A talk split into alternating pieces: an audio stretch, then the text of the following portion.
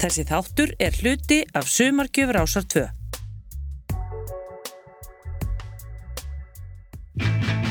Ég heiti Skúli Arason. Þetta er annar þátturinn í seríunu um Velvet Underground 1966 til 1967.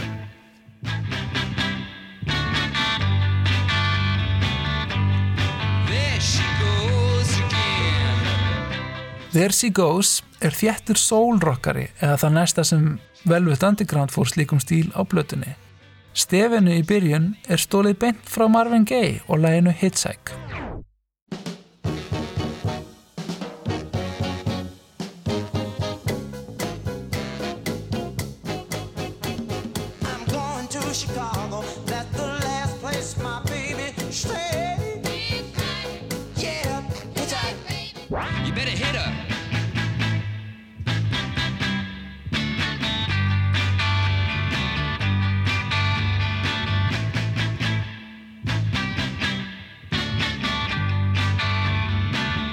Cale lísti þessu sem töff lægi um töff gellu. Sjálfstæða konu sem gerir það sem henni sýnist með hverjum sem henni sýnist. Á götunni aftur, á njánum aftur. Allt saman þið vafa samasta mál. Umdeildast í læginu er síðan Lína Reed, You Better Hit Her, sem er best að skoða sem setningu vafasams sögumanns frekar en einlega skoðan Reed.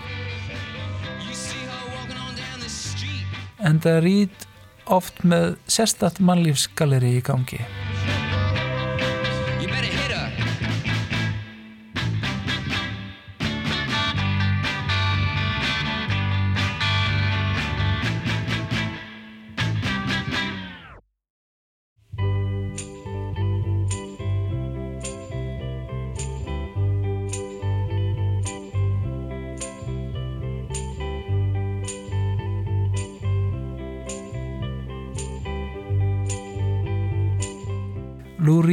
Sér með lagið I'll Be Your Mirror í Syracuse háskólanum og var það upphaflega samir til kæristu hans þar, Shelly Albin. Síðan kláraði hann lagið þegar Nick og hann voru saman í upphafi veru hennar með hljómsveitinni. Hún saði við hann, Ó Lou, ég skal vera speilin þinn. Lagið fjallar um það að gefa sér alveg á vald ástarinnar, að þóra sína sín einri mann og horfast við sitt sanna eðli. Sjálfur átti Lou erfitt með það en þráði að opna sér alveg fyrir ykkurum á sama tíma. Nico reyndi í fyrstu að syngja læði hljóðverunu með opnu kraftmiklu röddinni sinni. Bandi var ekki á því að lefinu það og leta hann að syngja það aftur og aftur það til hún brotnaði niður og fór að gráta. Þá sagði þau, til fjandans með það, þú fara að reyna einu sinni viðbót, að það gengur ekki þá sleppum eins og lægi. Með taugarna tættar og hráar skipti Nico viðkvæm í mildari röddina sem stóð. Eyes, darkness, so you you mind. That inside you're twisted and unkind. Let me stand to show that you are blind. Please put down your head. Sem dæmi um framsækni Warhols og jafnframt þá takmörkuðu tækni sem þeir stóð til bóða, þá stakk Andi upp á því að I'll be your mirror er endurtekið aftur og aftur með sérgerðir í rispu. Þá myndur hlustendur heyra ringrás þangar til að nálinn er tekin af spilarunum. Það hefði kannski hljómað eitthvað neginn svona.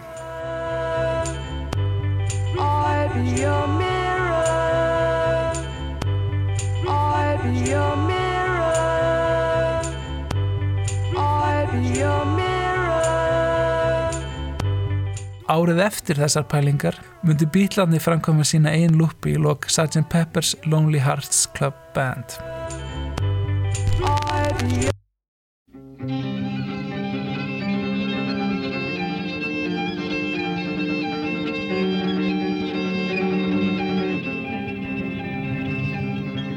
Myriad choices of his fate set themselves out upon a plate for him to choose. What had he to lose? Not a ghost bloody country all covered with sleep where the black angel did weep. Not a no city street. Lou Reed og Angus MacLeish, fyrsti trommar í bandsins, lístuðu tónlist hljómsveitarinnar eitt sinn eins og vestrætni útgáfu af dansi Shiva sem myndi heyrast á meðan Babylon brennur. Þessi háandlega lýsing á nú ekki alltaf við þessa hráu rockljónsett en það er auðvelt að sjá fyrir sér hreinsunareldin þjóta um stræti New York borgar undir tónum The Black Angel Death Song. Ásand Lou Reed voru Sterling Morrison og John Cale undir miklum áhrifum af beatskáldunum og í þessu lagi heyrastu áhrif vel ásand sammenningu rocksins við avantgard fluxus hreyfinguna sem Cale tilherði. Cale bæti síðan óraðri ógn við þetta þjóðlag framtíðarinnar með kvæsandi lofthljóði.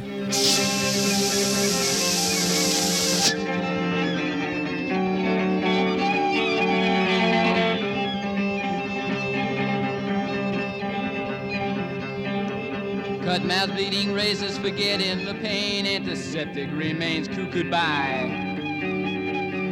So you fly to the cozy brown snow of the east. Gone to choose, choose again.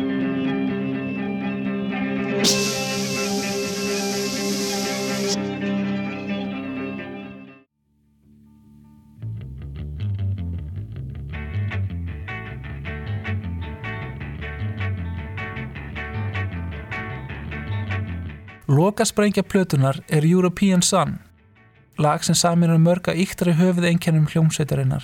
You killed your European son. You spit on those under 21. But now your blue cards are gone. You better sit so long. Hey, hey, bye, bye, bye. Þau tilenguðu Delmore Swartz, bókmyndalegum læri fyrir Lúrít, lægið, en hann hafði óbeitt á rocktekstum og því ef við hæfi að þetta sé styrsti teksti plötunar.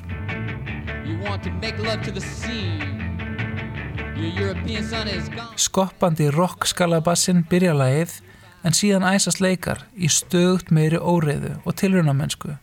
Svona eins og til að tilkynna brjálaðið heyrast undarlega hljóð.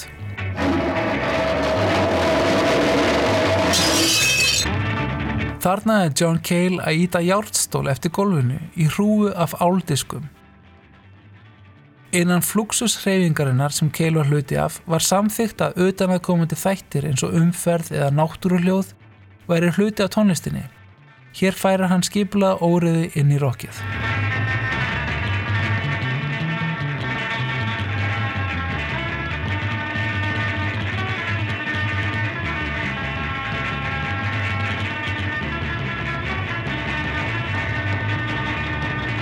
Árið 1966 voru nokkuð en öll pop og rocklög um 2 til 2 mínútur og 45 sekundur. Velvetopnum fannst það skemmtilega nýlunda að hafa lengri lög á fyrstu plötunni sinni og er European Sun nærri 8 mínútna langt. Almennt inniheldur platan sérlega löng lög með þessa stöðluðu poplengd.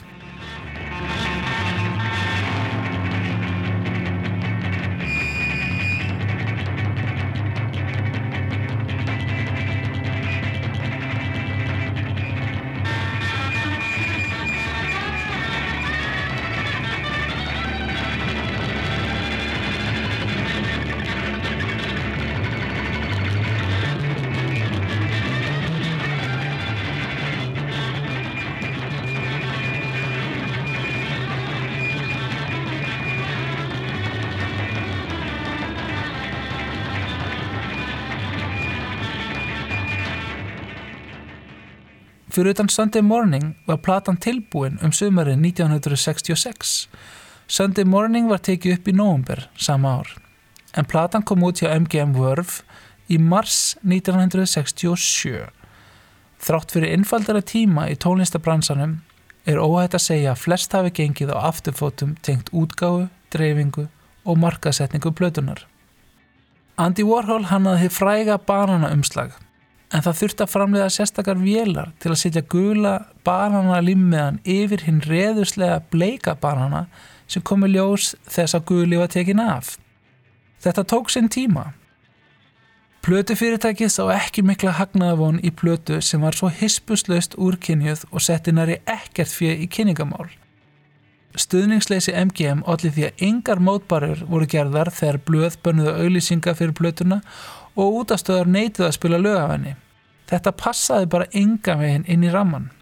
Frá útgáðu degi 12. mars náðu platan þó að selja staðins og 13. mæ komst hún inn á Billboard listan í 199. sæti af 200 og helst inn á listanum til 10. júni þegar hún komst í 195. sæti. Þá skall ógefan á.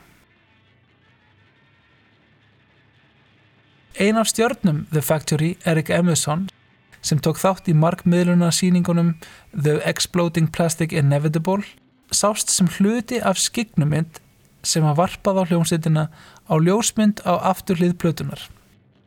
Hann þekktist illa en hann hafði ekki gefið leiði fyrir nótgrámyndinni af myndinni af sér og hótaði lögsókn ef hann fengi ekki fjárhagslega umbun fyrir myndbyrtinguna. Það var nýbúið að taka hann fyrir vörslu eitulifja og hann vantaði einfallega pening. MGM hefði geta borgað hann um eitthvað lítið málamyndafjö en ákvaði þessi stað að kippa plötunni úr sölu og kölluði inn öll eintök úr búðum. Þá hófust pröfur með að setja limmiða yfir andlitans en endað var á því að breyta myndinni fyrir næstu eintök sem færi í búðir. Þetta þýtti að þegar ykkur skriðu var komin á sölu var platan allt í hennu ófáanlega í fimm mánuði. Hún kom síðan aftur um hausti 1967 og náði þá 171. sæti Billboard listans sem var lang besti sölu arangur á ferli hljómsveitarinnar. Vegna þess hversu byltingakjent plötuumslæði var, þá var hvergi á hreinu að þarna væri yfirleitt rockplata á ferðinni. Mynd af banana og nafni Andy Warhol var það eina sem fólk sá. Margir heldu að þarna væri að ferðinni upptaka úr einhverju listapartíi eða gjörningalist.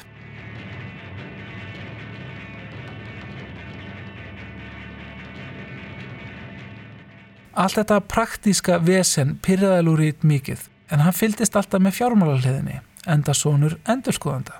Það er nokkuð vist að umbóðsmannateimið Paul Morrissey og Andy Warhol voru ekki mjög harðir fyrir plötufyrirtækið. Það hefði öruglega verið hægt að sjá um útgáfumálinn mun betur en MGM fekk að vera vanhæft í friði. Tekjur af plötunni voru yngar og gerði samningur velut andigrant við MGM Verve hlutina sérlega óljósa. Þegar Warhol bauðst til að gerast umbóðsmaður hafði Lou áhyggjur af því að vera fléfléttur og setti klausi í plötusamningin um það að Warwell, félag Warhols, skildi fá 25% af plötusölinni. Þetta gerði hann án þess að ráðgast við Warhol sem sárnaði mjög við að heyra af þessu. Þessi samningu var til þess að fátt var í raun á hreinu varandi fjármálinn því Reed passaði bara upp að gefa Warhol ekki of mikið. Á sama tíma glemdi hann að pæli því hversu mikið sjálf hljómsittin átt að fá og ekkert voru spilaþóknanir ákveðnar heldur. Allt mjög loðið. Warhol syndi bandinu minna eftir þetta en það var nóg að gera hjá honum á sama tíma. Hann var á mikilli uppleið sem listamæður. Á meðan The Velvet Underground var í samflóti með Warhol spilaði hljómsveitin víða um bandaríkin sem hluti af fjöllista batteríi The Factory. Þau leku tónlist sína á meðan gapandi áhórandur sem komi yfirleitt til að berja Warhol og fríkin hans augum upplýði eitthvað algjörlega skjön við það sem í gangi á sama tíma í menningarheiminum. Ekkert sigur sætt, nýja regnbúa skreitt.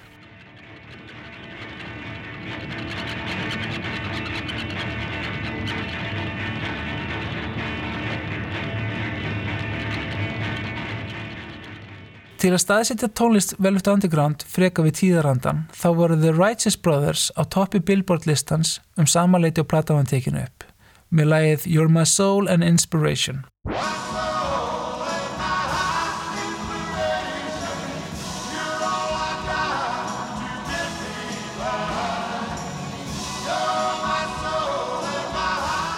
Ásand Good Loving með The Young Rascals.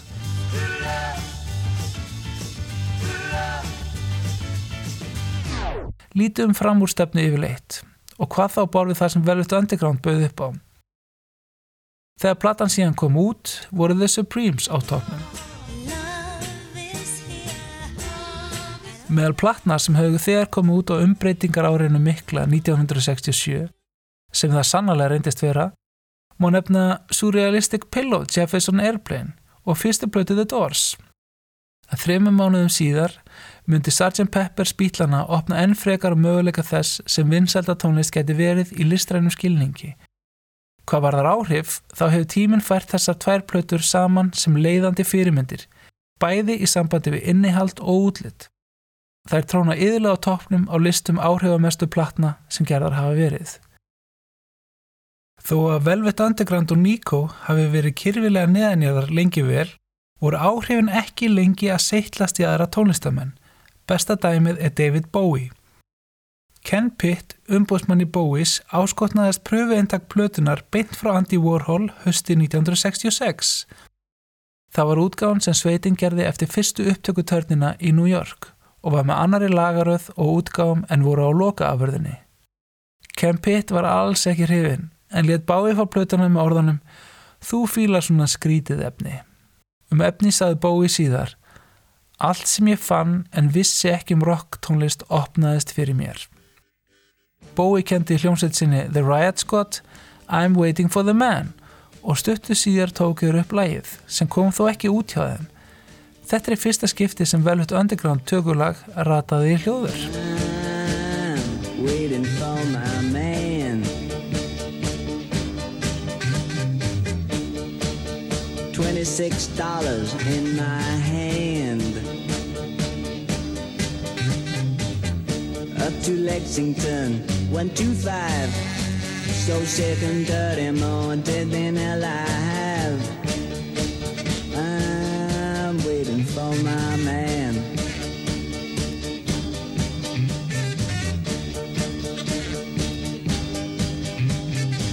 Hey, white boy, what you doing uptown? Hey, white boy, you chasing all the women around? Oh, pardon me, sir, it springs to my mind. I'm just looking for a good friendly behind. I'm waiting for my man.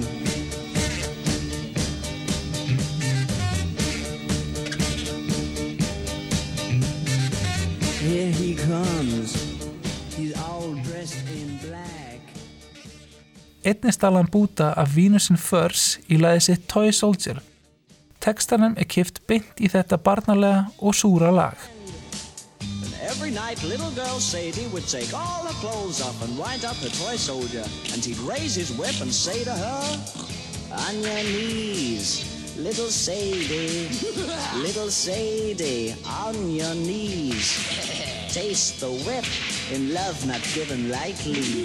Taste the whip and bleed for me.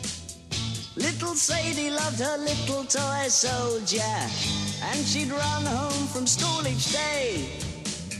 Little Sadie loved her little toy soldier, and she'd lock the door so she could play.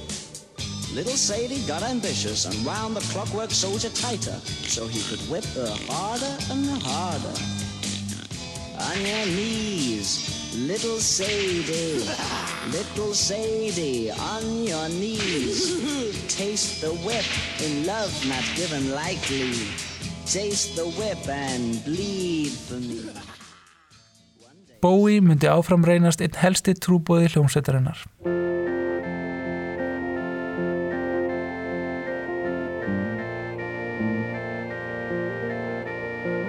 Nico, sem fekk ekki að láta ljósitt skína í hljómsveitinni, vildi Olm hefja sóloferil sem samræmdist spilaplönum hljómsveitarinnar illa.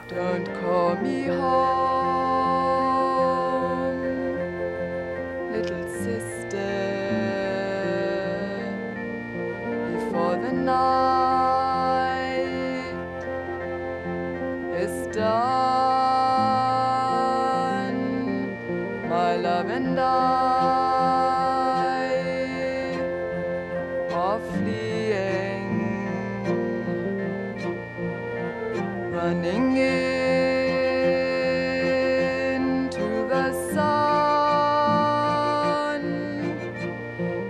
Kvöld þegar hún mætti sent á tónleika, meinaði bandið henni að koma upp á svið og rak hann eftir það. Tónlist The Velvet Underground hljómaði í mynd Andy Warhol, Chelsea Girls, sem kom út í lok 1967. Sú mynd varð innblásturinn að samnendri plötu Nico sem var tekin upp í april og mæ 1967.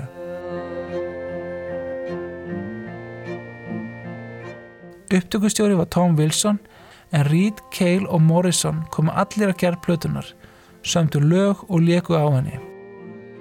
Wilson tók síðan grunn upptökurnar og bætti við strengjum og flautum að Nico forspurðri.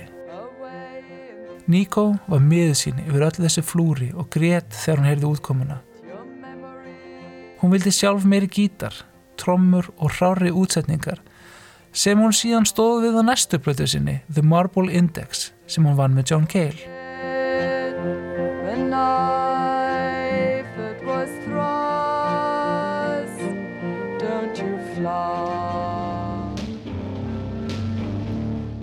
Ásand Nico rak Lou Reed líka Andy Warhol sem umbóðsmann.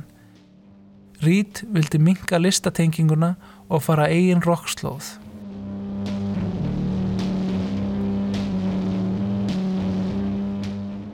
Heimurinn stóð á tímamótum, sumar ástarinnar í algleimi með tilherrandi skinnvillilifjum, blómum, fríðamerkjum og brosum.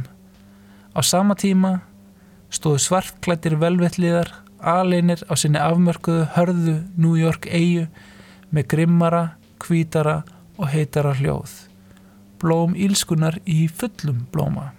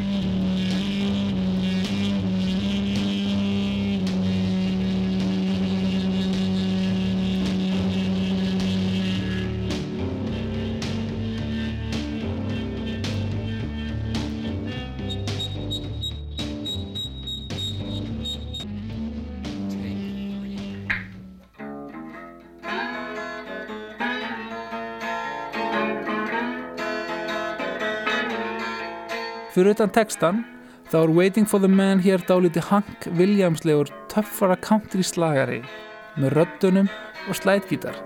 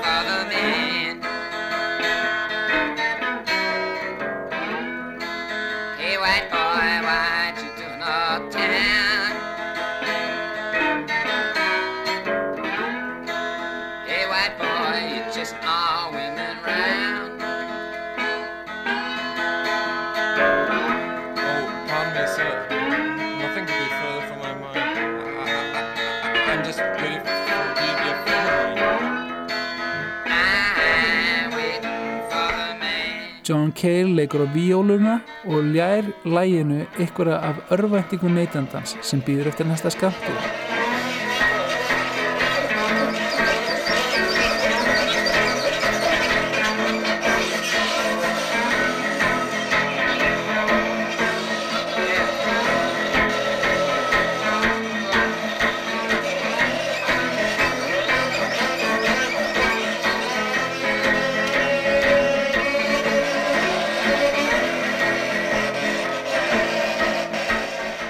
Hljóð sem líka eftir bremsuhljóðum neðanjara lestarinnar sem er hluti af ferðalæginu í læginu.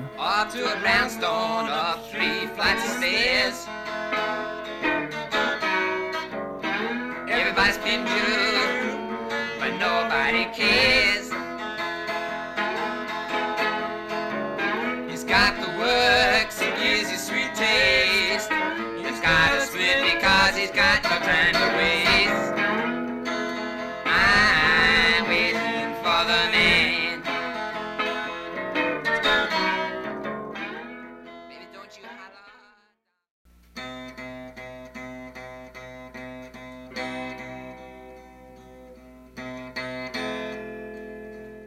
Lou Reed samti heroin 18-19 ára gamall í Syracuse háskólanum og á löll og upptökunni er það flestu leiti eins og í lokútgáfunni sem var tekin upp árið síðar.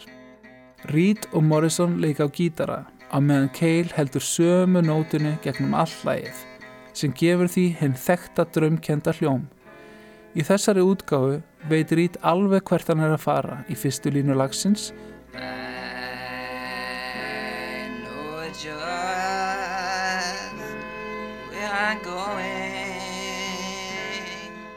sem segir aðeins aðra sögu heroin neytandans en í lokaútgáfunni. Þar veit hann ekki hvert hann er að fara frá byrjun. Hér er brotaviljin innbettari þó að niðurstaðan sé svo sama. Meðvituðum um hættuna þá er neytandanum sama um allt í vímunni.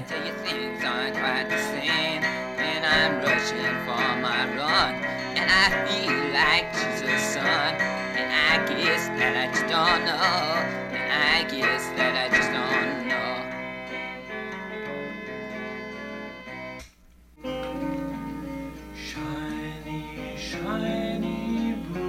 Of leather, whiplash girl child in the dark. Comes in bells, your servant, don't forsake him. Strike, dear mistress, cure his heart.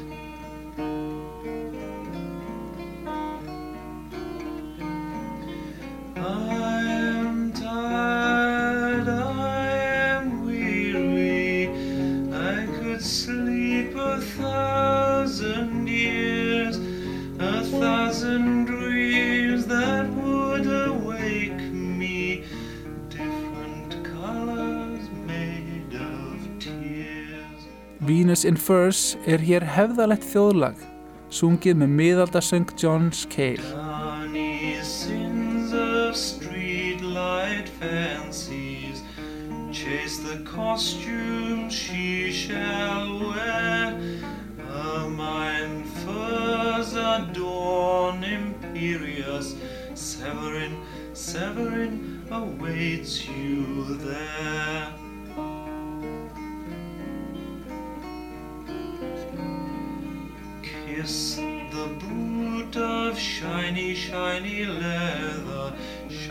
Shiny, leather in the dark. Tongue the thongs, the belt that does await you. Strike, dear master, cure my heart.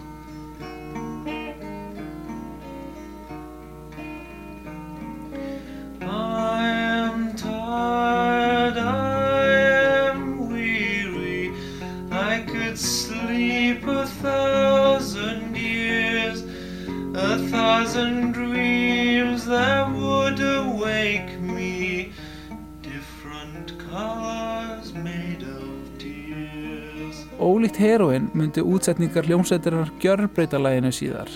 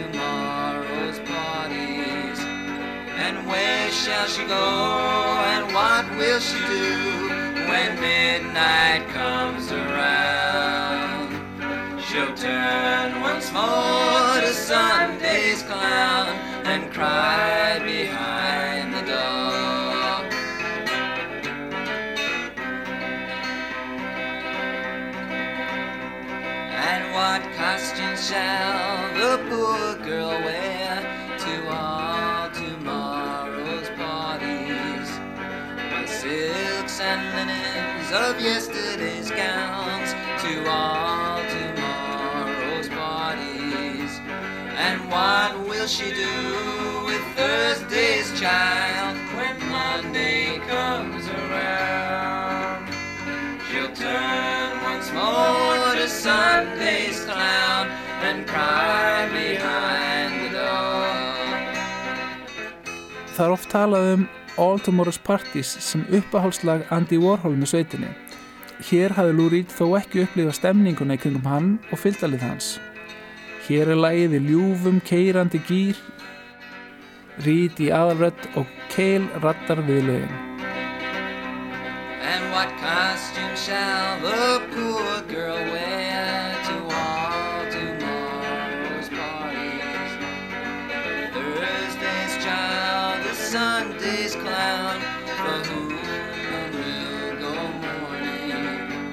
A blackened shroud, a hand-me-down gown of rags and silks, a costume fit for one who sits and cries for all tomorrow's party. Lagið átti eftir að þróast umtalsvert á næstum mánuðum með nýju forspili, öðrum hljóðfarum og auðvitað öðrum söngvara, Nico.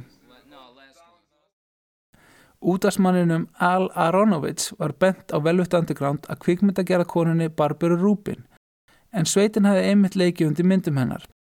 Al sá eitthvað í þeim og gerðist eins konar umbúðsmaður bandsins. Al hafði góð sambönd og hafði til dæmis kynnt Bob Dylan fyrir bílunum. Hann hugði Velvet Underground henduga fyrir Breitlandsmarkað og kynnti Brian Jones úr Rolling Stones fyrir hljómsveitinni með litlum árangri.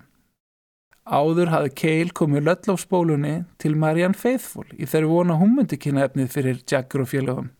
Sú upptaka fór á flakk og var til þess að lægið Prominent Men var tökulag hjá bresku hljómsveitinni The Deviants stuttu síðar. Fyrstu stóru tónleikar The Velvet Underground voru þegar hún var einn þryggja sem albókaði hjá Summit miðskólanum. Laun sveitarinnar voru 75 dólarar. Fyrir hinn framúrstefnulega Angus MacLeis var þetta full mikil meðalmennska og hann hætti áður hann þurfti að spila eftir pöntun. Sem sannu bóhem lést hann síðar úr vannæringu og eitulífaneslu í Kathmandu 1979. Hljómsveitina vantaði því trommara í snatri. Störling stakk upp á litlu sýstur háskólafélagans Jim Tucker, Maureen. Þrátt fyrir mótbæru Jones Cale sem vildi ynga gellur í bandið var hún fengin í hlutverkið eftir að Lou fór heim til hennar til að heyra hann að spila. Það er óhætt að fullera að Maureen Tucker, oft nefnd Mo, hafi þar eftir leikið stórt hlutverk í að búa til hinn einkennandi hljóm The Velvet Underground. Hún hafði mikið dálæti á afrískum trómuleik, sérstaklega Baba Tunde Olatunji frá Níkeríu. Hlustum aðeins á hann.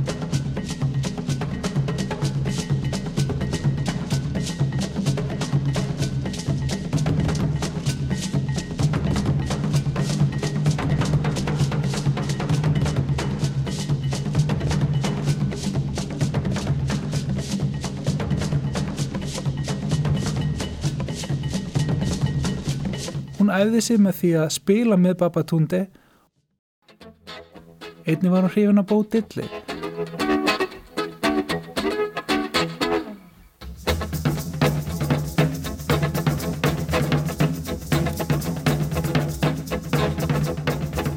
You pretty thing. Let me buy you wedding ring.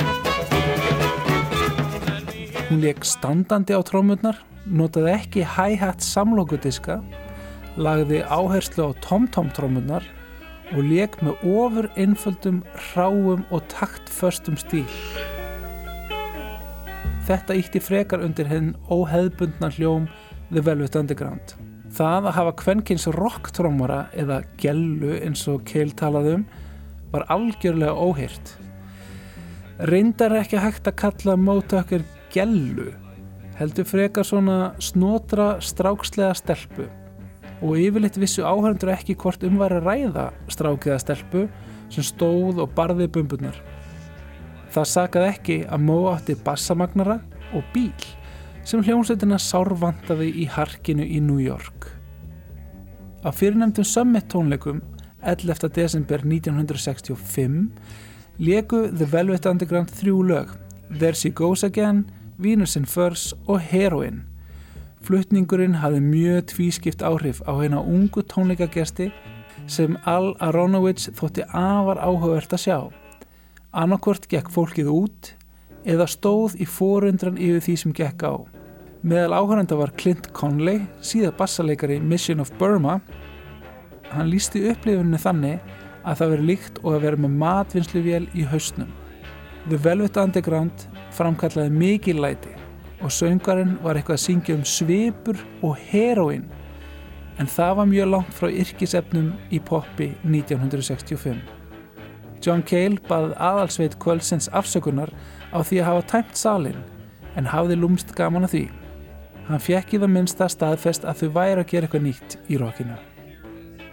Al vildi gjarnan að The Velvet Underground kemist í einhvers konar æfingabúðir líkt og bítlarnir í Hamburg og bókaði bandið á pínunilla klubbin Café Bizarre í Greenwich Village þar sem þau leiku sex kvöld í viku. Þau æfðust vissulega vel á því en fengu lítið borgað fyrir langa spilamennsku og voru komið meira en nóg þegar þau þurfti að spila á jóladag 1965. Kvöldið aður hafði Barbara Rubin búið að Gerard Malanga og Paul Morrissey að koma og sjá þau spila. Þeir voru báðir í einsta ring og helstu samverkamenn Andy Warhol. Morrissey var höttanum eftir hljómsveit sem geti leikið á klúbakvöldum sem Warhol var beðin um að taka þátt í. Um þessa mundir voru mörg milli listgreina að byrja að vera örlítið óljósari og Andy Warhol var vissulega einn helsti kvatamæðurinn í þeirri þróun. Hann var harður á því að allt umtal veri gott umtal og létt sig hafa það að eiga við yfirleitisfulla bladamenn sem dróðu list hans í Eva en hann hafi fyrir þennan tíma meðal annars stilt upp brillókössum og unnið mikið með Campbells súpudósir. Allt landslag í vinsald að gera tónlistar var líka að breytast. Bob Dylan og Beatlarnir hefðu gert rock tónlist að ykkuru sem alvöru gefið fullorðið fólk gæti pælt í og Warhol sá að rock tónlistamæðurinn gæti ymmit orðið hluti af lista aðlinum frekar en innihalslöst átrúnaða góð úlinga. Þegar Gerard Malanga og Paul Morrissey sáðu Velvet Underground bauð Morrissey þeim að Warhol skildi gerast umbúsmaðið þeirra.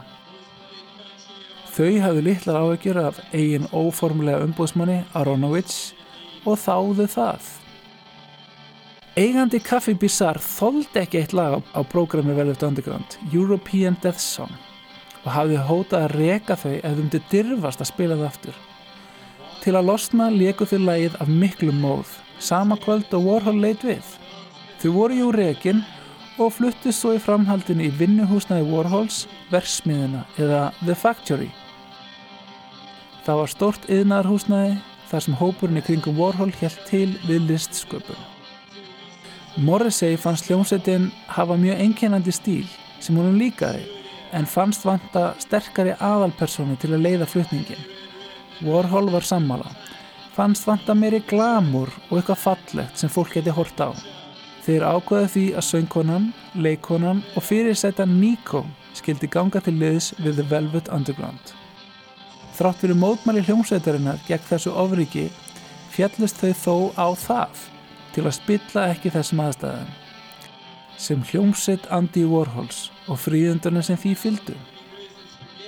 Nico eða Krista Paffgren fættist í Köln 1938 og hafði verið á mörgum þess að vera uppgötuð almennilega um tíma. Hún leik aukarhlutverk í La Dolce Vita eftir Fellini og var farsæl fyrirsæta. Andrew Luke Oldham, umbóðsmaður Rolling Stones, vildi Olmur taka upp blötu með henni. Hún kynntist Bob Dylan sem gaf henni lægið I'll Keep It With Mine og hún gaf út tónlist sem ungur Jimmy Page vann með henni. Hér heyrum við aðeins úr læginu I'm Not Saying eftir Gordon Lightfoot.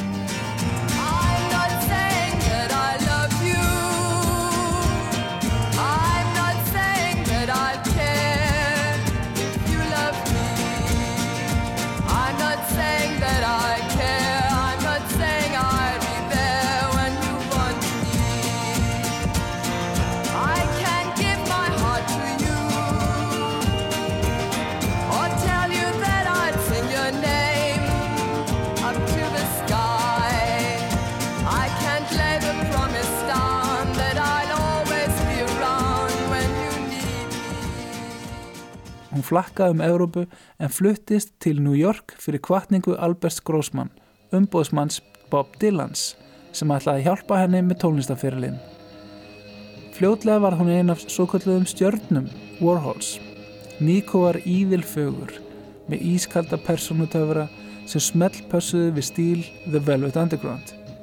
Cale og Reed áttu báðir í stuttum samböndum við Nico mitt í ringiðu listalífsins í The Factory og eftir þau var staða hennar í hljómsveitinni ekki sérlega sterk. Þar sem að búið að þvinga Nico upp á hljómsveitina voruðu staðræðan í því að leifa henni ekki að gera of mikið. Hún fekk að syngja þrjú fjögur lög, leika á tambúrinu og spinna rattir í tilraunaköplum sveitarinnar. Þess utan stóð hún bara grafkjur á sviðinu sem fögur stitta. Í Faktor í fjölskyldinni fann Lou Reed sig einstaklega vel. Hann var komin í umhverfi sem verðlunaði sér enkenni hans. Þar var flott að vera öðruvísi, ógvænlegur og drakk Lou í sig alla stemninguna og karakterana sem hann sá og kynntist þar. Frá því að spila fyrir næstu máltíð voru velvelliðar nú komin í ringiðu fyrirmenna bandaríkana á listasviðinu. Það sem reythöfundar, pólitíkusar, dansarar og félagsljón komu saman til að baða sig í ljóma Andy Warhol sem var að mikillu uppleið á þessum tíma. Í The Factory æfði hljómsveitin sig á meðan Andy vann prentlistaverk og Paul Morrissey gerði listræna kvikmyndir.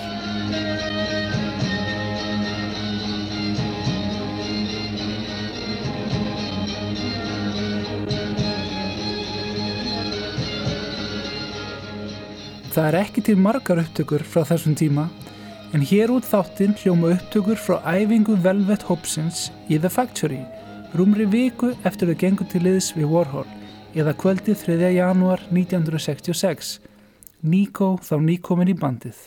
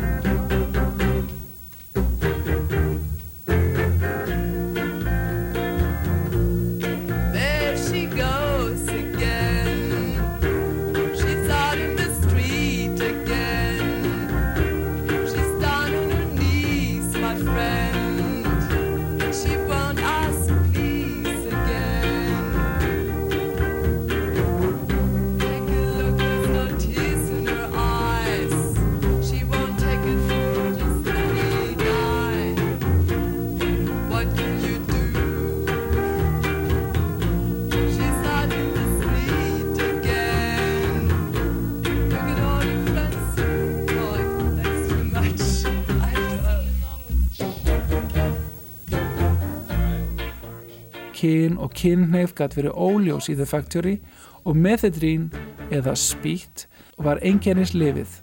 Það átti vel við Reed og var þá uppáhaldsdóp hans næstu 10-15 árin. Allir listræni þættir The Factory saminniðist í fjöllista síningum á vegum Warhol. Þar lekuðu Velvet Underground á meðan nokkra kvikmynda Warhols voru í gangi. Myndir sem áttu til að vera mjög langar og tilbreytikast nöðar eins og Sleep sem er af manni að sofa og Empire sem er af Empire State byggingunni. Gerard Malanga dansaði og tólkaði efni tekstana. Hann kisti stífvel Barbara Rubin á meðan Vínusinn Förs var flutt og líkti eftir heroinneislu.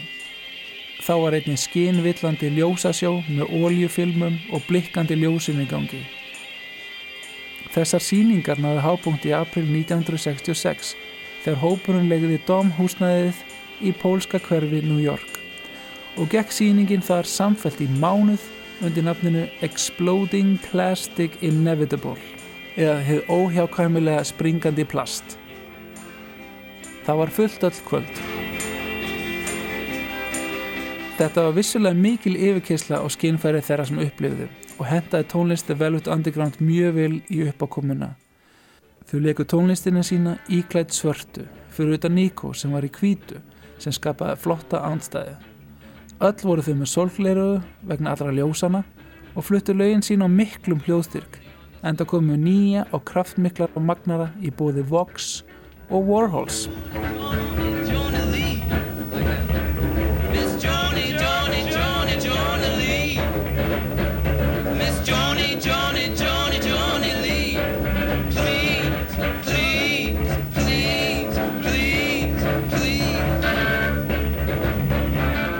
Viðtalum viðburðin kallaði Keil þetta lagsta mögulega samnefnaran þar sem öllu væri hent fram í einu.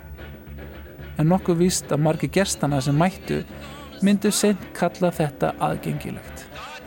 Warhol sagði sjálfur Ef þið þóla það í tíu mínútur gefum við þeim 15.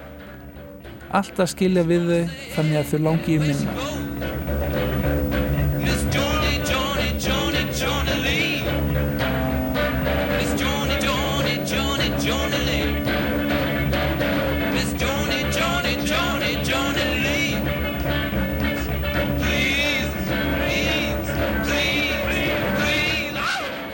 Samt lögunum sem myndu rata á fyrstu blötu sveitarinnar leik Velvet Underground laung tilraunakjönd verk þar sem þau leiku sér með endurbjögun eða feedback og ískur í hljóðfærum og framkvölduðu dimma og dreymandi hljóðskultúra sem vöktu mismunandi viðbröð hjá hlustendum sem hefði aldrei heyrt viðlíka tónlist.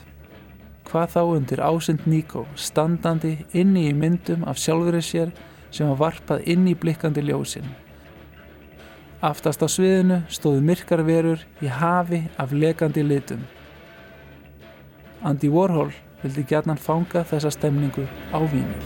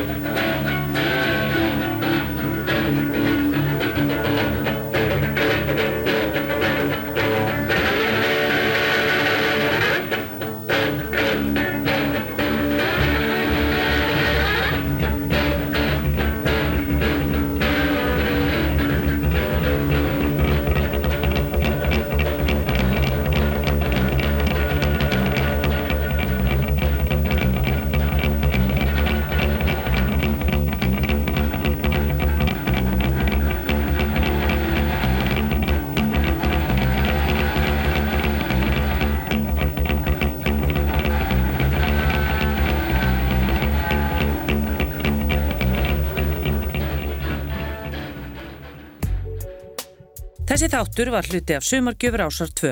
Þú getur nálgast fleiri þætti úr Sapnir Ásar 2 í spilaranum á rúf.is, í rúf appinu fyrir snjalltæki og öllum helstu hlaðvarpsveitum.